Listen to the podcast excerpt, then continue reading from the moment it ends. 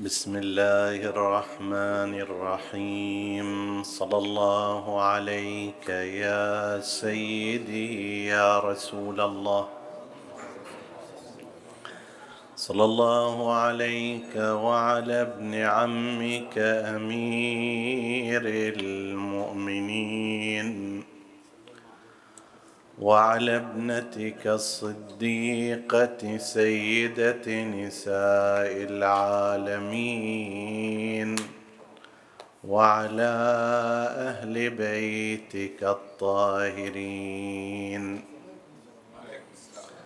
صلى الله عليك يا سيدي ويا مولاي يا أبا عبد الله الحسين. ما خاب من تمسك بكم وأمن من لجأ إليكم. يا ليتنا كنا معكم فنفوز فوزا عظيما. عطروا مجالسكم بذكر محمد وآل محمد. اللهم صل وسلم على محمد وال محمد اللهم صل على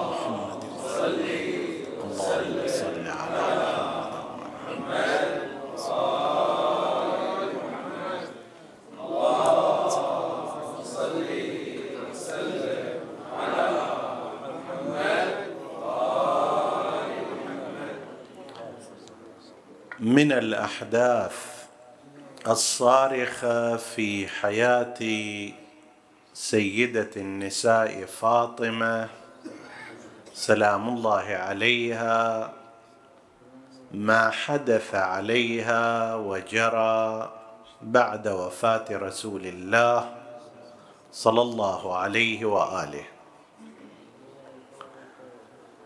من هجوم على الدار ومن رد ضلع فاطمة ومن إسقاط جنينها وما تلا ذلك من أحداث. هذا الأمر يتجاوز كونه امرا تاريخيا. لماذا؟ لأنه سينتقل من محطة الحدث التاريخي إلى محطة المسألة العقائدية. فإن إذا ثبتت هذه الأمور مع ضميمة بعض الأشياء الأخر سيتخذ هذا الحدث بعدا عقائديا. مثلا إذا صار هذا الحدث موجود معنى ذلك هناك إيذاء. يجي على الفور من آذى فاطمة فقد آذاني ومن آذاني فقد آذى الله. يجي على طول إغضاب فاطمة. وسخط فاطمة وهذا يعني أيضا إغضاب النبي وإغضاب الله وسخط النبي وسخط الله. فتلاحظ أن الموضوع لا يرتبط فقط بكونه حدثا تاريخيا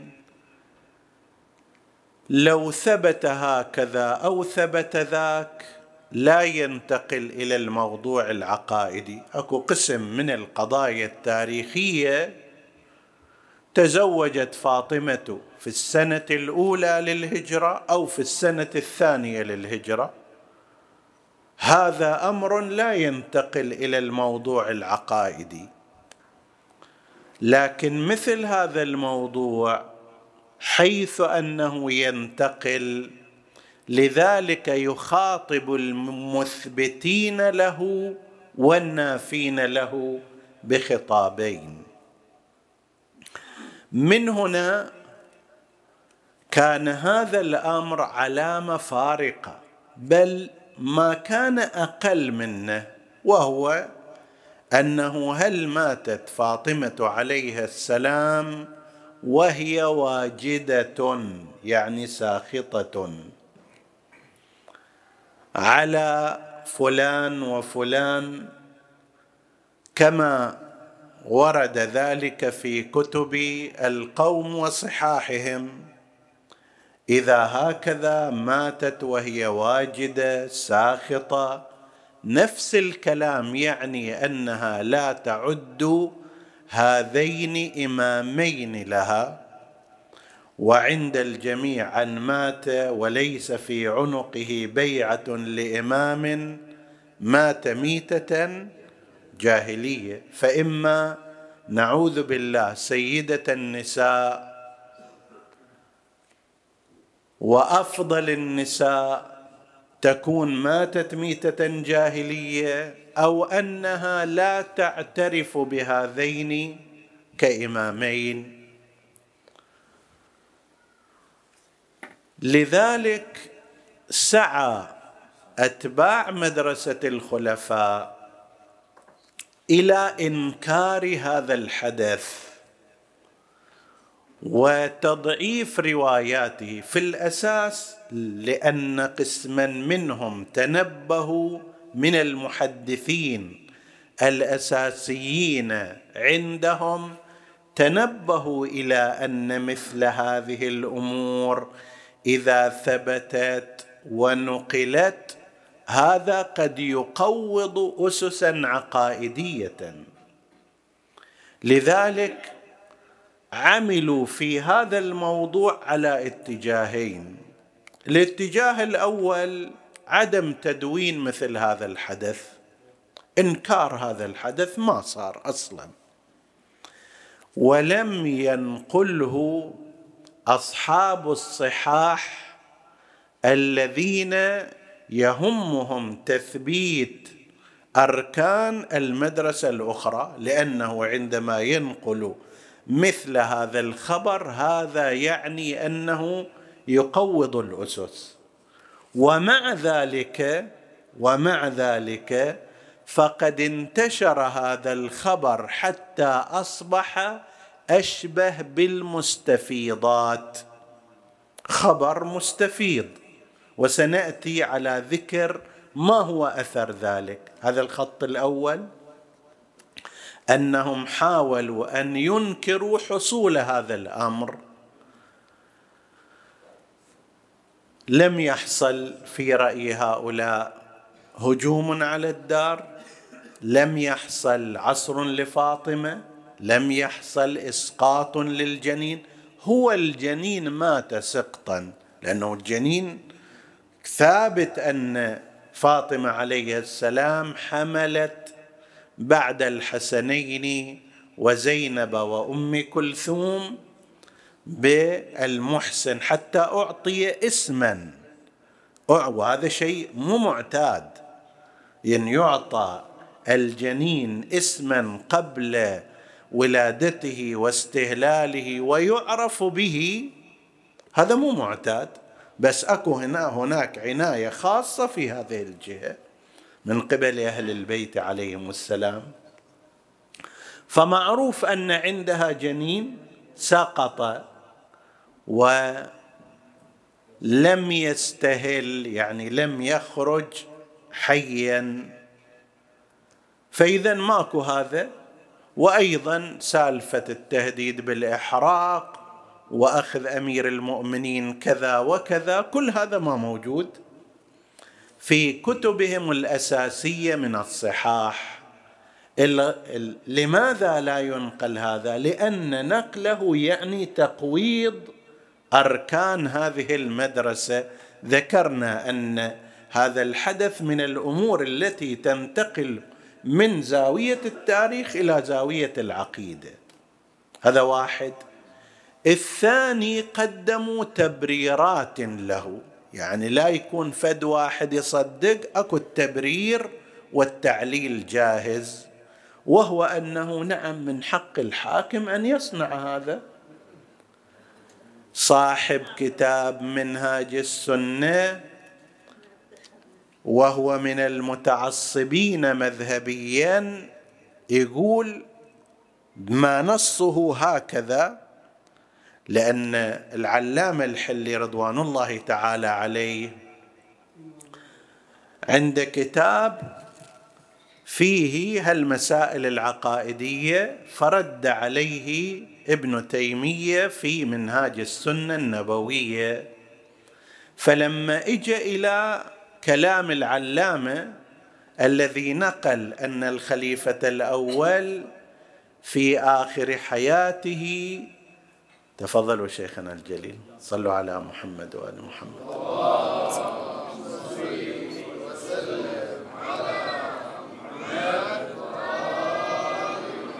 ذكر ثلاثة أمور تمنى أنه لم يصنعها. وقال ليتني تركت بيت فاطمة لم أكبسه. هذا. هذا آخر حياته. تمنى هذا الشيء. صاحب منهاج السنة لما اجى وزين وهو عادة ينكر كل شيء. ما عنده شيء ثابت أصلا فيما يرتبط بفضائل أهل البيت ومناقب أهل البيت إلى حد الفضيحة. كل دائما عنده لم يثبت عند أهل العلم لم يقل به أحد من أهل العلم حتى صار فضيحة حتى عند تلاميذه. المهم هنا قال غاية ما يقال إنه كبس البيت لينظر هل فيه شيء من مال الله الذي يقسمه وأن يعطيه لمستحقيه. صحيح. راح وكبس البيت. كبس يعني الهجوم المباغت يسمى كبسه. طيب صحيح راح بس علشان شنو؟ ذولين علي بن أبي طالب وفاطمة لا يكونوا مخبين فلوس واجد من أموال الزكاة من حق الله عز وجل والفقراء لازم يروح يطلعها منهم ويروح يوزعها على مستحقيها. سبحان الله.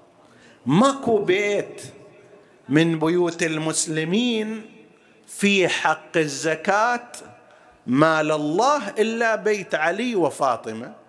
لازم هذا يتهاجم ولازم هذا يتفتش ولازم هذا ينكبس.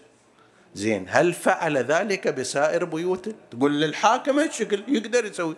زين المدينة كم بيت فيها؟ ألا يوجد بيت آخر غير لو سوى على عشرة بيوت هم معقولة على أن في هذا البيت سيدة النساء وسيد الوصيين وباب علم رسول الله والمؤتمن على الدين.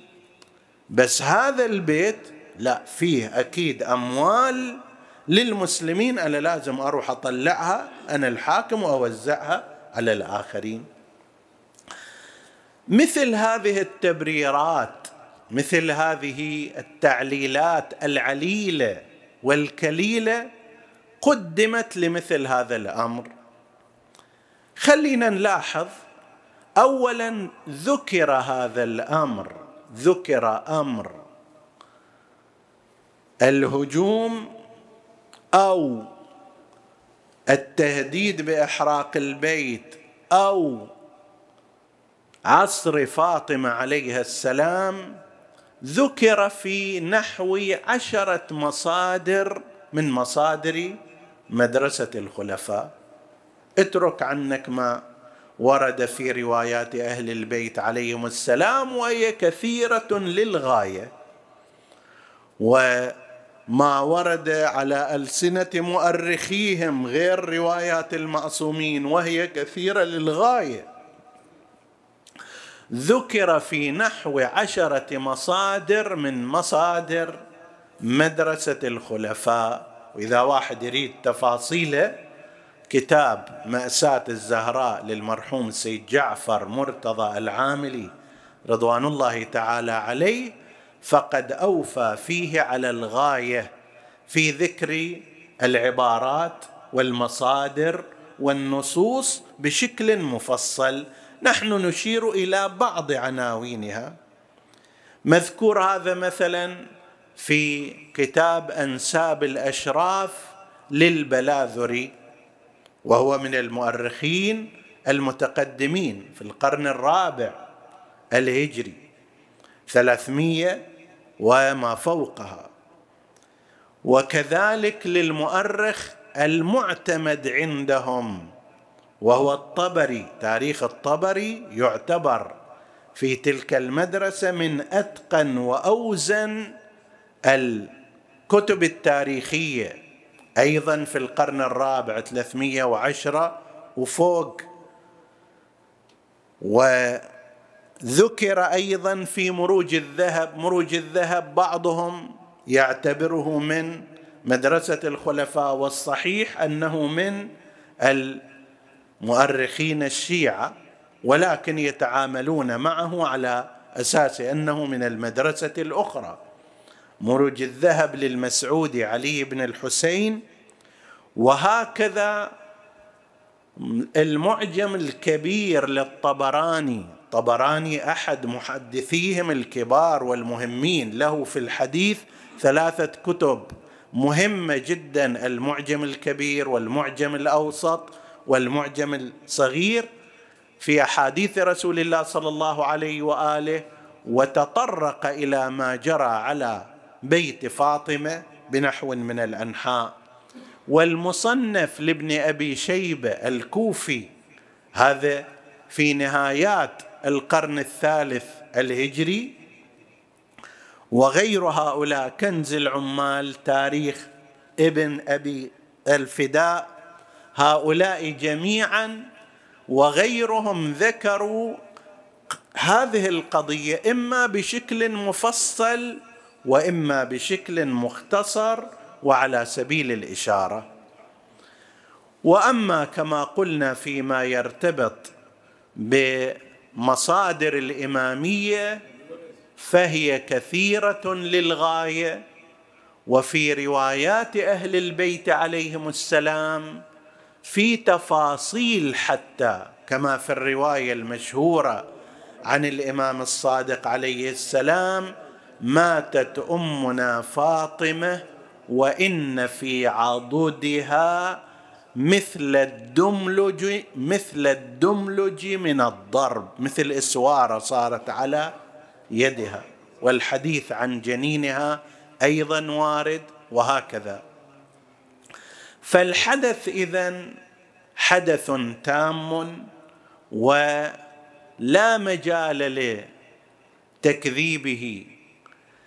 هنا بعضهم لما يجي يعترض يقول مثلا في معجم الطبراني السند ماله في فلان وهو ضعيف.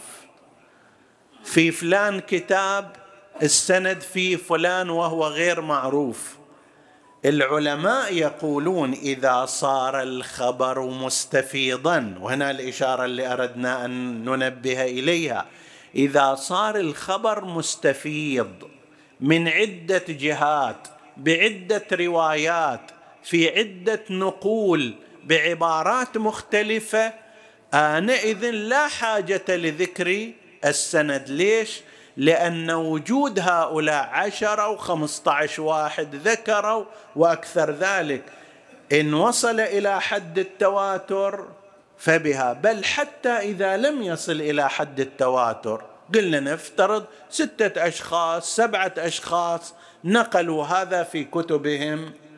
هذا يكفي ولا يحتاج معه إلى الذهاب إلى الأسانيد وما شابه ذلك.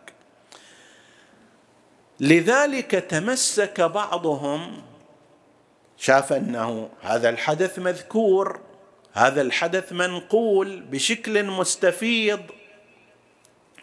تمسك بعضهم بالتشكيك في جهة أخرى. كيف علي بن أبي طالب يهجم عليه يهجم عليه جماعة وهو قاعد ولا يردهم وهو أسد الأسود؟ وهو البطل المقاتل.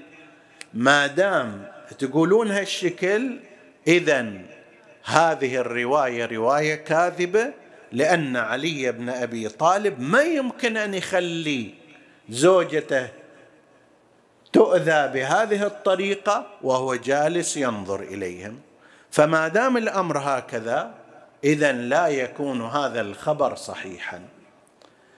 لما تجي تقول طيب إذا ثبت أصل الموضوع تعال حل هالاشكال إذا ما ثبت ما نحتاج إلى أصلا دفاع عن علي بن أبي طالب ولا تأويل فعله.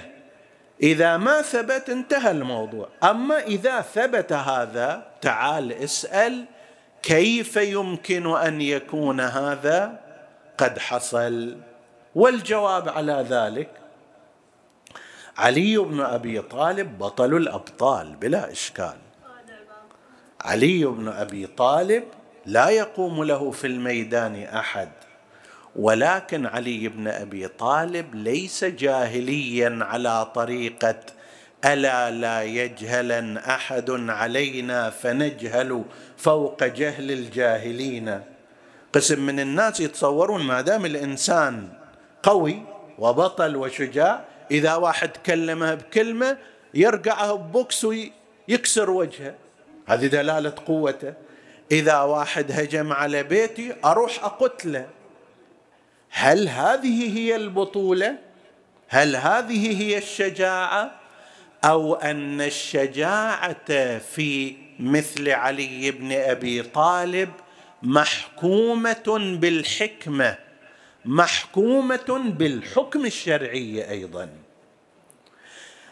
العلماء والأئمة لا يقولون إن عليا كان عاجزا عن المواجهة وإنما يقولون أن علي بن أبي طالب عليه السلام كان حكمه الشرعي الا يرد بذلك النحو وإلا لو كان حكمه الشرعي أن يرد ما كان يتوقف.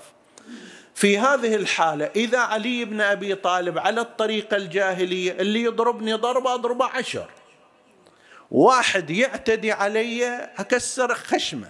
طيب أما إذا كنت مأمورا اعتدى عليك لا ترد عليه. هنا يتبين حال الجاهلية والحالة الدينية. الحالة الجاهلية يقول أنا مالي شغل. واحد ضربني إن شاء الله ويش يكون أكسر عظامه. واحد قتل مني شخص أقتل عشيرته. أنا إنسان قوي وحده اللي يوقف قدامي. لكن هذه هي الروح الجاهلية. أنا إذا كنت محكوما بالحكم الشرعي أقول اعتدى علي هذا. إن كان يجوز لي أن أرد عليه راح أرد عليه بمقداره أيضا. ضربني أضربه. قتل مني أقتله اقتله أيضا باعتبار ولي الدم مو باعتبار في حالة غضب. لا باعتبار ولي الدم وهذا حكمه الشرعي. ما لم يكن هناك مانع من الموانع. فإذا كان هناك مانع ولنفترض لا أقل الأئمة هكذا يقولون العلماء يقولون أن الوصية من رسول الله صلى الله عليه وآله لأمير المؤمنين الا يرد بالمقدار الذي يجر إلى هذه الفتنة. كيف يصير هكذا؟ وين عزة الإمام علي؟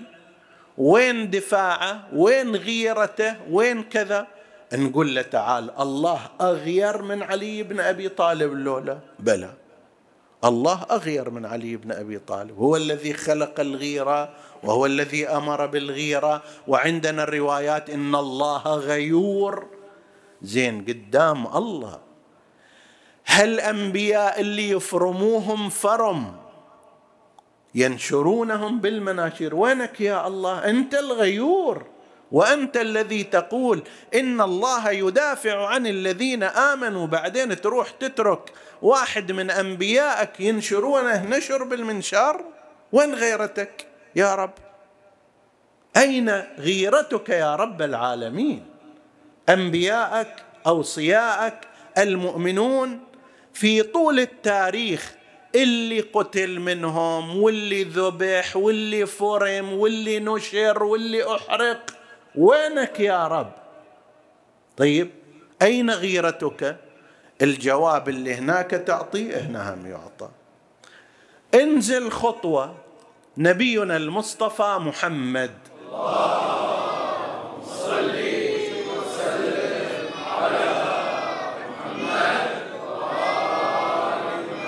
قتلوا أصحابه في مكة. سحلوهم عذبوهم. بلال ما قدر يطلع من الموت إلا بالمعجزة. آل ياسر امرأة سمية أم عمار ابن ياسر بعدما وتدت بالحديد ضربت بالحربة في قلبها. وبعض المؤرخين يقولون في مكان آخر لا يقال على المنبر. طيب. زين يا رب. يا رسول الله أنت عندك قوة تقلب الأرض فوق تحت تمر على هذه امرأة مؤمنة مخلصة يصنع بها هذا الصنيع وذاك ياسر تحرق لحيته وشيبته وعمره ذلك العمر الكبير ثم يقتل. آخر شيء تجي تقول صبرا يا آل ياسر؟ شنو صبرا آل ياسر؟ تعال جر سيفك وإنت أشجع من علي بن أبي طالب وإنت مربي علي بن أبي طالب. جر سيفك وقاتل هؤلاء الشراذم والله معك. شنو صبرا آل ياسر؟ لم يحرك رسول الله صلى الله عليه وآله في الفترة المكية شيئا مهما في رد الأذى شيء عسكري يعني وقتال ورد في رد الأذى عن أصحابه. اللي انقتل انقتل واللي انسحل انسحل واللي عذب عذب واللي أوذي أوذي. ليش؟ النبي مو غيور مو شجاع هم غيور وهم شجاع وهم يتألم لكل ألم يحصل لهؤلاء. لكن هنا هو مقيد بتخطيط إلهي. لا ترد على هذا. خلي يروح عماء خلي يروح ياسر خلي يروح زوجته خلي يروح فلان خلي يروح فلان. أنت الآن لا يجوز لك أن ترد على هذه الانتهاكات. اللي تقوله هناك هنا هم يقال بالنسبة إلى أمير المؤمنين ما الفرق. هذا مقيد بالحكم الشرعي. وهذا مقيد بالحكم الشرعي. كلاهما عنده من الغيرة أعلى درجاتها وكلاهما عنده من الشجاعة والقوة ونصر الله أعلى درجاته لكن لا يوجد هناك إجازة لا يوجد هناك سماح هناك منع من استخدام القوة والشجاعة والسيف في هذا الموقف. فالكلام اللي يقال بالنسبة لله لماذا لم يرد الأذى والظلم والقتل والسحل عن أنبيائه ورسله وعن أوصيائه وعباده؟ وكذلك بالنسبة إلى رسول الله صلى الله عليه وآله هو نفس الكلام الذي يقال بالنسبة إلى أمير المؤمنين سلام الله عليه. تصوروا مثلا لو أن عليا عليه السلام خالف هذا على طريقة ألا لا يجهلن أحد علينا؟ فنجهل فوق جهل الجهل أنا مالي شغل واحد طبيتي أحش رجله. زين. تكالب القوم عليه الكثرة دولة هذه. وهذا منطق الدول تراها مو بس ذاك الزمان في كل زمان منطق الدولة تسحل اللي قدامها ما عندها لحية مسرحة كما يقولون. خليفة الثالث لما بعضهم شوية تكلم عليه اللي هجره للربذة واللي رقع به في أرض المسجد واللي كذا واللي كذا ونفس الطريقة نفس المنهج. ما عنده هذا هم فكرة أنه هذا قريب الرسول وذاك بعيد الرسول بعيد عن الرسول. لقد قال أحدهم معبرا عن منطق الدولة. هارون قال لابنه المأمون قال لو نازعتني لأخذت الذي فيه عيناك. إذا أنت ابني لكن تنازعني تخالفني توقف قدامي أشيل رأسك. وفعلا شالوا رأس كثيرين في هذا الطريق. فالدولة كلها تجي تنقلب على علي بن أبي طالب عليه السلام. قد يحصل أن يقتل علي سلام الله عليه. قد يحصل أن تقتل الزهراء عليها السلام. والماكنة الإعلامية تقدر هم تتحرك وتقول أنه كان يقود انقلاب ولاجل صيانة هذه الدولة ولأجل صيانة منجزات النبي. إحنا اضطرينا إلى قتله. ذهب دم علي عليه السلام هدرا نفس الموقف اللي وقفه في أصل موضوع الخلافة هنا في تفاصيله، كان علي بن أبي طالب أيضا وهو الشجاع وهو المقاتل يقدر يقول يلا ما دام سويتوا هالشكل إحنا نجمع علينا ونقاتل واللي يصير يصير ما فيها مشكلة. لكن آنئذ لا يكون علي علي بن أبي طالب الذي ببقائه بقي كيان الإسلام. يقول حتى إذا رأيت راجعة الناس قد رجعت يدعون إلى محو دين محمد.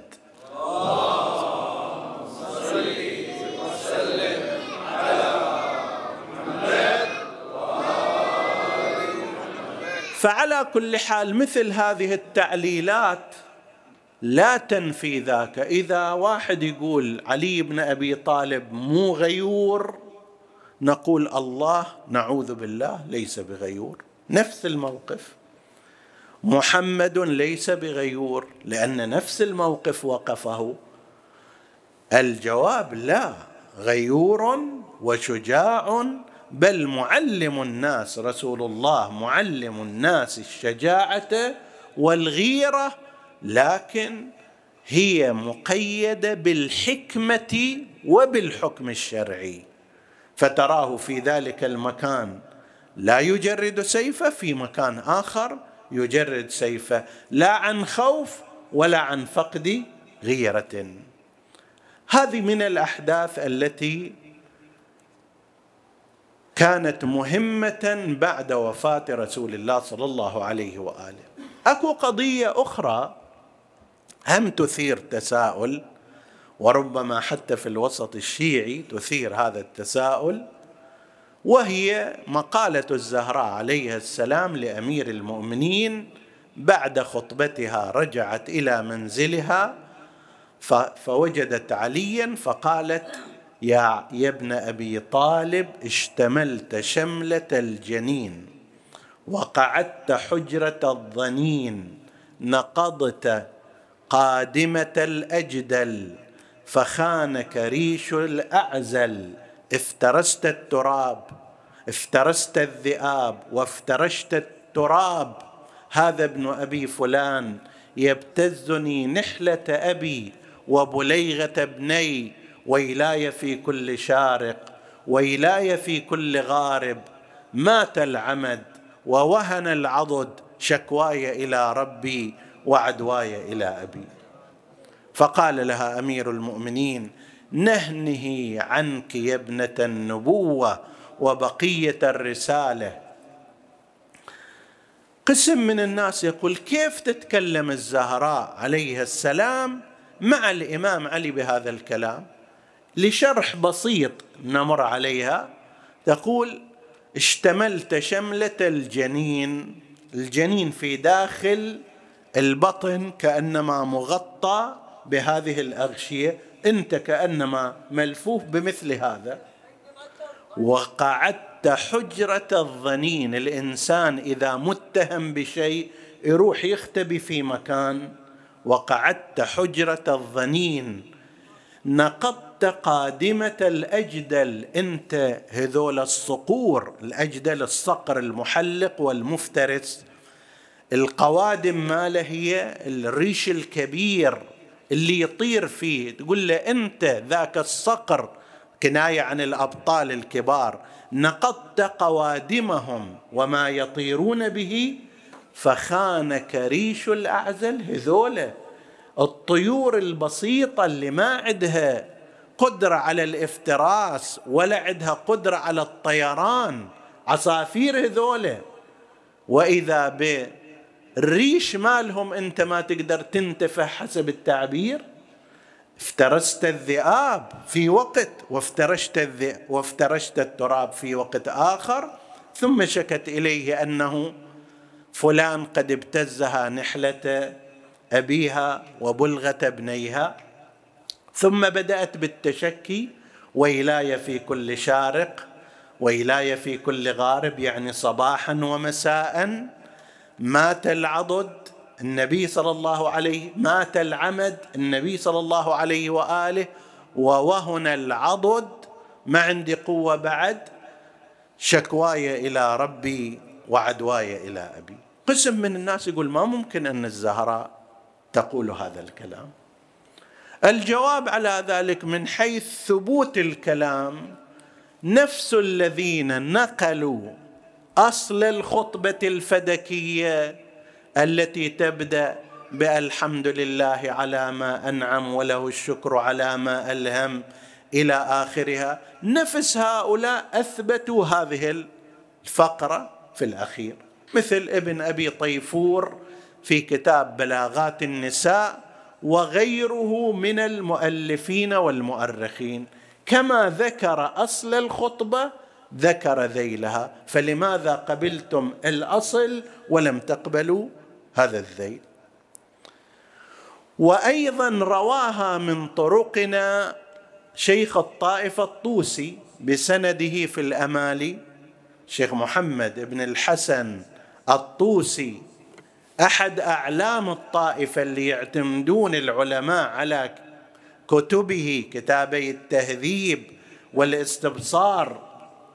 طيب اسمه شيخ الطائفة بعد اسم ومعنى. إلى اليوم مع كثرة العلماء الذين جاءوا بعده بس لقب شيخ الطائفة خاص فيه. عندما يقال قال شيخ الطائفة يعني شيخ الطوسي. هذا أيضا في كتابه الأمالي أثبتها باعتبار أنها كلمات الزهراء عليه السلام. هذا من حيث الموضوع النقل. الموضوع الآخر غير النقل السبك واللغة والبلاغة والأداء. العلماء يقولون نحن نفهم أن نفس القماشه التي كانت في أول الخطبة هي نفس القماشه التي فيها هذا الذيل بلاغة اداء حرارة قوة. ما تشوف فيها ركة. بل ترى فيها نفس البلاغة الفاطمية ونفس المعاني القوية. والإنسان يعرف الآن لو مثلا جبت لك كلمات من كلماتي وقلت لك قال فلان إمام أنت بس إذا من أهل الفن تقدر شوية تطالعها تقول هذه ما فيها نورانية كلام. المعصوم ولا بلاغته. ولذلك يقولون من طرق التعرف على الأحاديث التعرف على مضمونها ومتنها. معناها أيضا واضح. طبعا بعض قال هذه على سبيل التقية قالتها فاطمة حتى لا يقولوا أنه مثلا علي بن أبي طالب هو الذي حرشها وهو الذي حرضها لكي تلقي خطبتها هذا بعضهم ذهب إليه لكنه ليس جوابا تاما. الجواب التام فيما نعتقد هو أن فاطمة عليها السلام أرادت أن تسجل الحادثة لكي تبقى في التاريخ وللمستقبل بحرارتها وبقوتها وثيقة إدانة وثيقة ألم وثيقه وثيقة مصبوغة بالدماء. أنه أيها الناس ترى أنا مو مثل ما قالوا أن فاطمة مو قالوا هذا أن فاطمة زعلت شوية من الخليفتين ثم بعد ذلك افتهمت أنها كانت غلطانة وتراجعت عن ذلك. لا أنا كلامي كأن الزهراء تريد أن تقول أنا بهذه الحرارة والشعور بالمظلومية أخبركم أيها الناس. مثل هذه الوثيقة مثل هذه الكلمات لا تسمح لأحد أن يقول أن فاطمة كانت راضية باللي حصل وأنه ترتبت الأمور وكل شيء صار فيما بعد حسن. لا بقيت هذه الكلمات بأعنف ما يمكن ساقتها فاطمة الزهراء عليه السلام لكي تبقى وثيقة يتعرف عليها طلاب الهداية والمعرفة بمواقفها تجاه الأحداث التي جرت عليها. فعلا هكذا فكانت أتمت هذا أيضا بأن كانت تبكي ليلا ونهارا وتذهب إلى قبر أبيها رسول الله صلى الله عليه وآله. ملاحظ قبر النبي؟ محل مجيء المسلمين فيأتون ويرون امرأة تبكي وتنوح هناك. يلفت نظرهم هذا. من هي هذه؟ فاطمة. وهي تقول ماذا على من شم تربة أحمد؟ ألا يشم مدى الزمان غواليا صبت علي مصائب.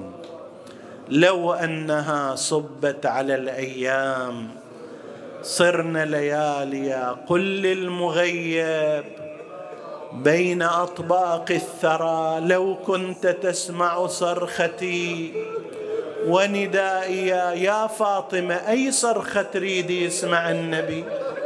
صرختك وراء الباب وأنت تنادين. إليك يا فضة فخذيني وإلى صدرك فسنديني. أو صرختك وراء علي وقد أخذ ملببا وأنت تنادين. خلوا ابن عمي أو لأكشف بالدعاء. أي الصرخات يا سيدتي تريد تريدين أن يسمعها رسول الله صلى الله عليه وآله؟ أي ألم من الآلام؟ فقدي أبي أم غصب بعلي حقه؟ أم كسر ضلعي أم سقوط؟ أم سقوط جنيني أم أخذهم حقي؟ وفاضل نحلتي أم جهلهم قدري وقد عرفوني.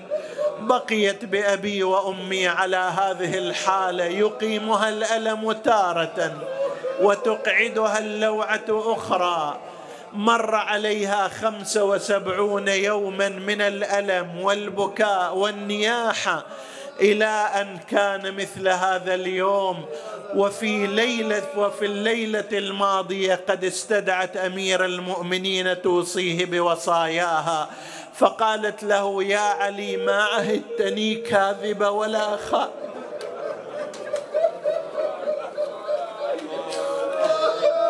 ولا خالفتك مذ عاشرتني؟ قال لها معاذ الله يا فاطمة أنت أبر بالله وأتقى لله من أن أوبخك بمخالفتي ولقد ولقد جددت علي حزنا برسول الله صلى الله عليه وآله.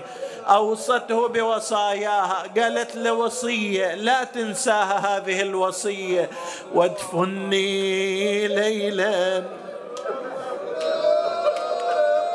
إذا هدأت العيون ونامت الأبصار يمكن هالوقت هذا لأنه ماتت في نهار هذا اليوم ووصيتها أن تدفن ليلة يا ليت هالمعزين كانوا. يا ليت هالجمع كان أيضا في ضمن من شيع فاطمة. ترى ما شيع فاطمة إلا دون العشرة. عشرة أشخاص ماكو. لذلك أمير المؤمنين عليه السلام يتأسف على قبرها. يقول فبعين الله يا رسول الله تغصب ابنتك جهرا وتدفن سرا. الغصب ما ألحقها علني جهري. ولكن دفنها وتشييعها وتشييعها سري وهكذا قضت فاطمة الزهراء عليها السلام صبيحة هذا اليوم بعد أن صرفت الحسنين خارج الدار. قالت لأسماء يا أسماء أنا أدخل إلى الدار أقرأ القرآن فإذا سمعت صوتي وإلا فاعلمي أني لحقت بأبي رسول الله. اسماء تقول بدأت بقراءة القرآن. رويدا رويدا خبا صوتها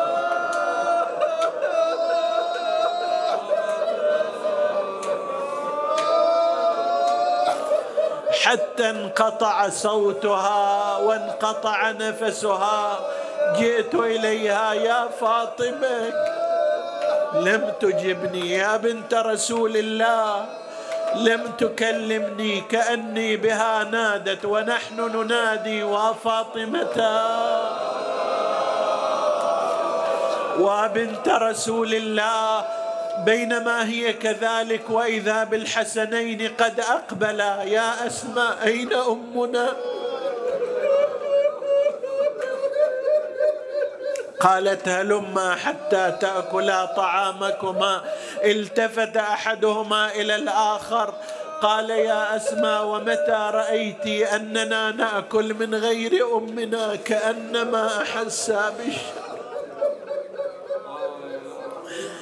ليش ما نسمع ونين أمنا ولا نسمع كلام؟ إن شاء الله طابت العلة وطابت لا يا أسماء فارقت عنا وخلتنا أيتام والشهيد يصيح لا تفاول ترى قلبي انكسر. سالمة ويا ريت يا ابن امي كلامك لا يكون. فالها فال السلامة وعسى علتها تهون. قال خويا من نحيله.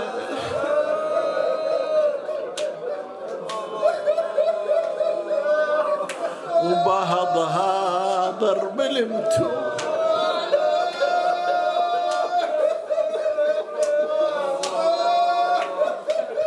إيش صار أيها الشاعر؟ قالوا على الزهره يوم دخلوا. عاينوها ممددة نايمة نومة الموت. وسار ويح قلبي على المصلى ومسدل عليها الردى هروا عليها ومدامعهم تهل شبه المطر بنت من أم من حليلة من. ويل من سن ظلمها وأذاها. نسألك اللهم بفاطمة وأبيها وبعلها وبنيها والسر المستودع فيها. يا الله. صل عليها وعليهم واقض حوائجنا للدنيا والآخرة. اغفر لنا ذنوبنا كفر عنا سيئاتنا آمنا في أوطاننا. لا تسلط علينا من لا يخافك ولا يرحمنا. ولا تفرق بيننا وبين محمد وآله طرفة عين. فضل اللهم إخواني السامعين فردا فردا واقض حوائجهم.